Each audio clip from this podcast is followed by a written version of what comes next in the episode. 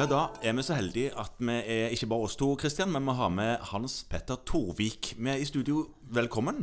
Takk. Ja, Og dette er jo veldig veldig spennende. Eh, fordi det er ikke alltid eh, vi har gjester med, men nå har vi det. Og vi skal bruke litt lang tid, siden dette er et annet format enn det vi er vant til. Kristian. Ja, nå er vi jo i gang med det nye prosjektet Ja. med Kvalm pluss. Og eh, nå skal vi bruke god tid. Eh, sånn at denne podkasten her, den eh, må man enten høre i porsjoner, det er jo fullt mulig Ja. i dagens tekniske verden, eller så kan man sette seg ned og, og virkelig ta et lite dypdykk inn i den samtalen vi forhåpentligvis skal få nå. ja. Så hvem, hvem, hvem er du, Hans Petter? Jeg eh, har vært allmennlege og kommunelege i mange år. Eh, nå er jeg pensjonesten. Pensjonesten, Pensjonisten, ja. Ja, det er jo nære på. Ja, Ja. jeg fortsetter nå som sykehjemslege. Så etter å ha vært noen år som eh, ren kommuneoverlege, så er jeg tilbake igjen i klinikken eh, en dag i uka. Og samtidig veileder jeg eh, tre leger i allmennmedisin og tre i samfunnsmedisin. Som individuelle veileder. Godt bidrag inn i tilsiget til faget, altså. Men du, når tid studerte du? Jeg begynte å studere i Oslo i 1971 og var ferdig i 1977. Og gjennomførte turnus i Askim sykehus i Østfold, som nå er nedlagt. Ja.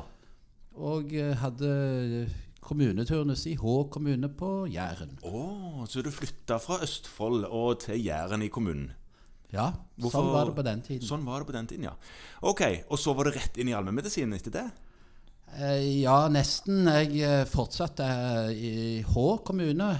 Men Ja. der ble jeg faktisk og ville fortsette som allmennlege. Men det var på det tidspunktet sånn regulering av Helsedirektoratet som jeg ble avvist. Fikk ikke lov til å etablere meg i Hå kommune i eh, 1980. Nei, jeg fikk ikke lov. Var det det- denne her eh, kommunehelse... Nei, den var ikke kommet. Det var en egen forskrift om at uh, Helsedirektoratet skulle bestemme i hvilke kommuner det var behov for leger. Og de bestemte at H hadde nok leger. H hadde nok. Var, var det sånn den gang òg at man satt med inntrykk av at Helsedirektoratet ikke alltid helt var grundig satt inn i hva som foregikk på kommuneplan? En må nok si det. Vi var veldig overraska. ja, håper at det var nok. Ja, Men, men eh, også har du hatt et sånt engasjement òg i Afrika, har du ikke det? Jo, jeg, eh, siden jeg ikke fikk etablere meg i Hå, så dro vi til Kristiansund, hvor jeg var på barneavdelingen. Og så reiste vi til Etiopia i 1983 og kom rett inn i en eh, svær meningokokkepidemi med flere titusen tilfeller av meningitt som ble behandla ute i skur på landsbygda med en bensylprokain-penicillinsprøyte i døgnet. Og de som overlevde, overlevde, og de andre de gjorde det ikke. Men Også- hvordan i all verden, hva var linken fra Kristiansund, hvor jeg òg var, i turnus? Jeg havna ikke i Afrika etterpå, så hva var det som gjorde det? Nei, eh, vi ble spurt om vi kunne reise til et sted som heter Mendi i Etiopia for Det norske misjonsselskapet og Den norske frikirke. Ah. Og så sa vi ja til det. Og så lovte vi at vi skulle være der i tre år, og det var vi. Hvem er med? Eh, Ingeborg, kona mi, som også er lege. Og eh, vi reiste med tre barn og kom hjem med fire. Ja, akkurat. I alle Så var det da under denne epidemien at du fatta interesse for samfunnsmedisinens betydning? Det var nok i Etiopia ikke bare epidemien, men hele samfunnet, hvordan det var organisert, hvordan helsetjenesten var organisert, og hva som var de viktige behovene for å ha en god folkehelse. Ja. For det er ikke bare det rent medisinske, det er veldig mye annet.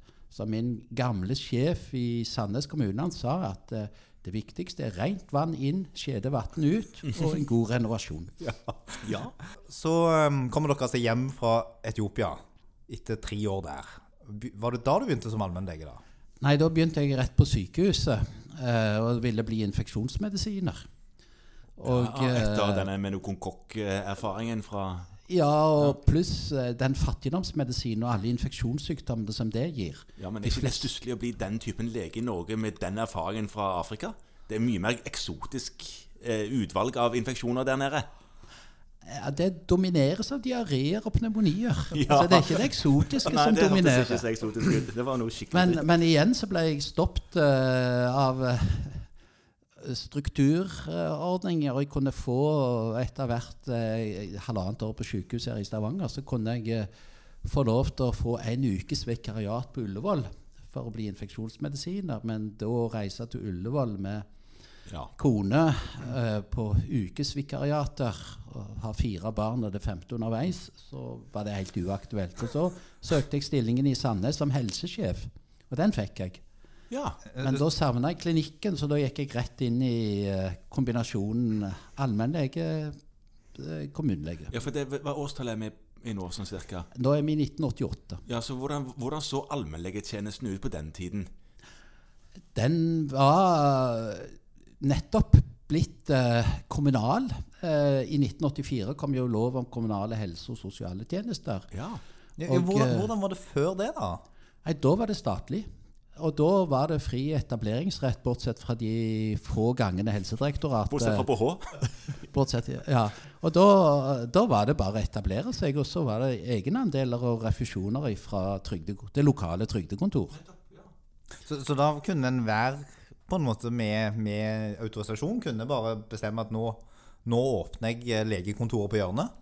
Ja, og det gjorde folk. Ja, det gjorde folk. Og prisene, da? Var det, også, var det regulert fra staten, det, da? Ja, da Ja. var det sånn at det, når jeg begynte i 1979 i H, så betalte folk ti kroner for første konsultasjon og fem kroner for de to neste for samme sykdom. Og hvis du kom fjerde gangen for samme sykdom, så var det gratis.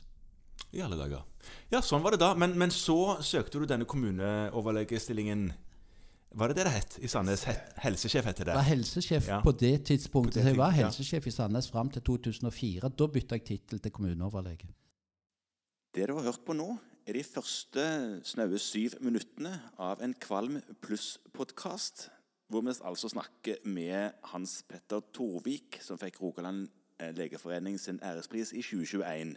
Som første person som fikk den prisen.